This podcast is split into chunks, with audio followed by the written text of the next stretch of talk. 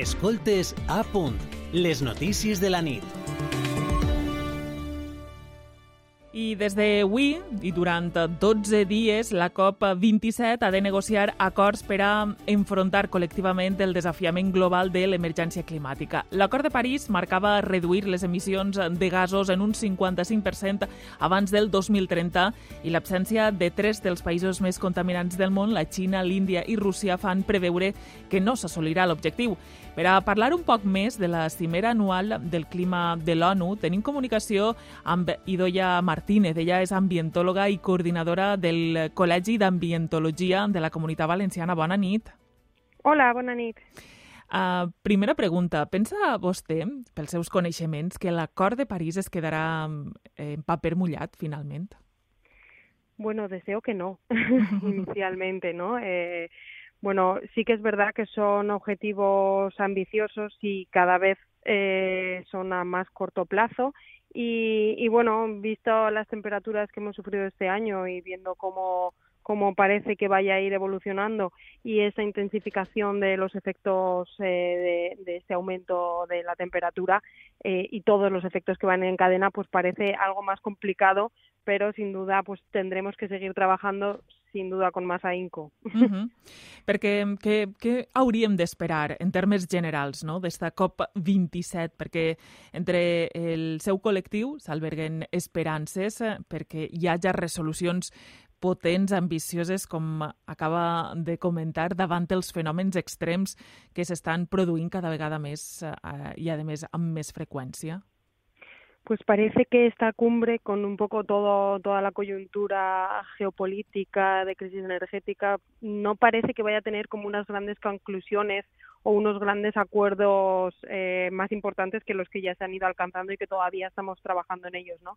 Eh, bueno, pues como ya se ha dicho, pues la crisis energética, la guerra de Ucrania, la ausencia de estos países que más contaminan, pues eh, parece ser que no vayamos a tener eh, unos eh, unos resultados como muy esperanzadores o, o, muy ambiciosos, pero sí que se está hablando de compensación económica a los países más afectados y por lo que he podido eh, ver en otros medios de comunicación, bueno, pues Pedro Sánchez ha anunciado pues más eh, financiación también para el tema de, la sequía, ¿no? Que es un grave problema que estamos sufriendo en nuestro país, en la Comunidad Valenciana y, y a nivel global, ¿no? Y bueno, al final estamos hablando sobre todo de, de del acceso al agua a, a les persones, no? que és eh, algo vital. Uh -huh. A les persones i després també a, al camp, no? perquè este, estos canvis també afectaran eh, inevitablement a, a què produïm així o en altres parts del món, per allò de que si fa més calor doncs, i hi ha més sequeres, haurem d'ajustar, eh, podríem dir, les collites a, al que el clima done de sí. Pues sí, efectivamente nos vamos a tener que, que ir adaptando e ir también adaptando nuestras formas de, de, utilizar el agua porque efectivamente no solamente para el consumo humano, para beber, digamos, uh -huh. pero también el consumo humano es alimentarnos y es tener capacidad de, de agua para, para poder abastecer nuestros campos, ¿no? Y hacer un uso eficiente de este recurso, sin duda, es un objetivo que parece que como que nos han machacado mucho sobre el ahorro del agua, ¿no? Pero que tenemos que seguir trabajando en esta línea y hacer un esfuerzo, continuar con el esfuerzo que, que estamos haciendo en, en, optimizar el uso de este recurso, porque efectivamente, bueno, pues no solamente nos da de beber, sino también nos da de comer y, y es un aspecto crítico sobre los cultivos que, que podamos seguir manteniendo o realizando. Recientemente he estado en una estación experimental de tecnologías del agua y hablaban de, bueno, estaban eh, investigando sobre nuevos tipos de riego, pues en algo tan valenciano como pueda ser el arroz, y esto era en Andalucía de riego por goteo para cultivos de arroz. Una cuestión de optimización de, de, este recurso, no sabemos cómo, cómo saldrá este experimento. Sí, no? Perquè és difícil d'imaginar no aquestes làmines d'aigua claro. en els camps d'arròs. La veritat és Efectivamente, que sí. bueno, además ese, en este contexto ecológico el campo de arroz, bueno, pues y esos humedales pues tiene otro, otros beneficios ecológicos innumerables por ser una zona de humedal, ¿no? Pero bueno, uh -huh. independientemente de eso, pues la anécdota de que eh, se está investigando, la ciencia va a un ritmo a veces muy por delante de las decisiones políticas o administrativas y, y están trabajando en, en esto. Uh -huh. I avui hem conegut el, el balanç climàtic d'AEMET, ja ho hem comentat amb eh, el meteoròleg Javi Miró.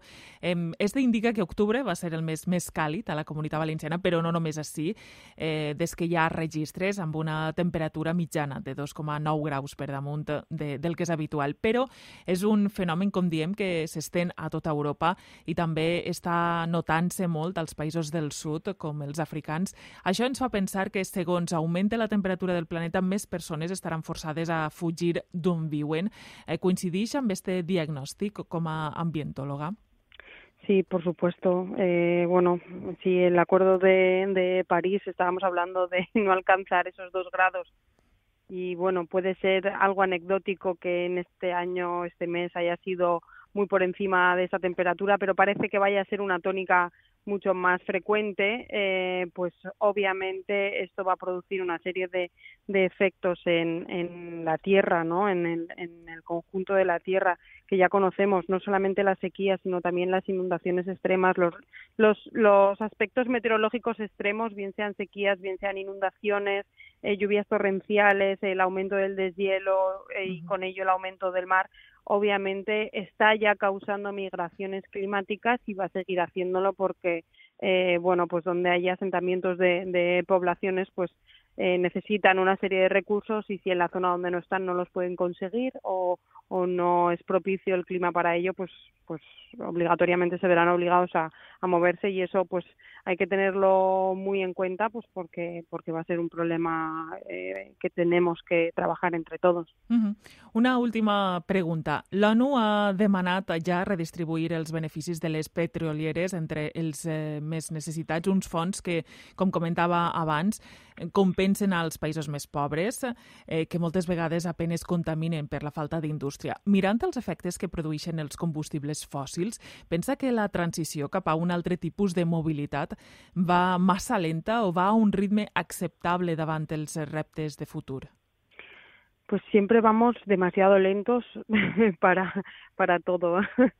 eh, la vida va a veces mucho por delante que, que la capacidad de poder tomar decisiones y ponerlas en, en práctica sobre todo de una forma realista.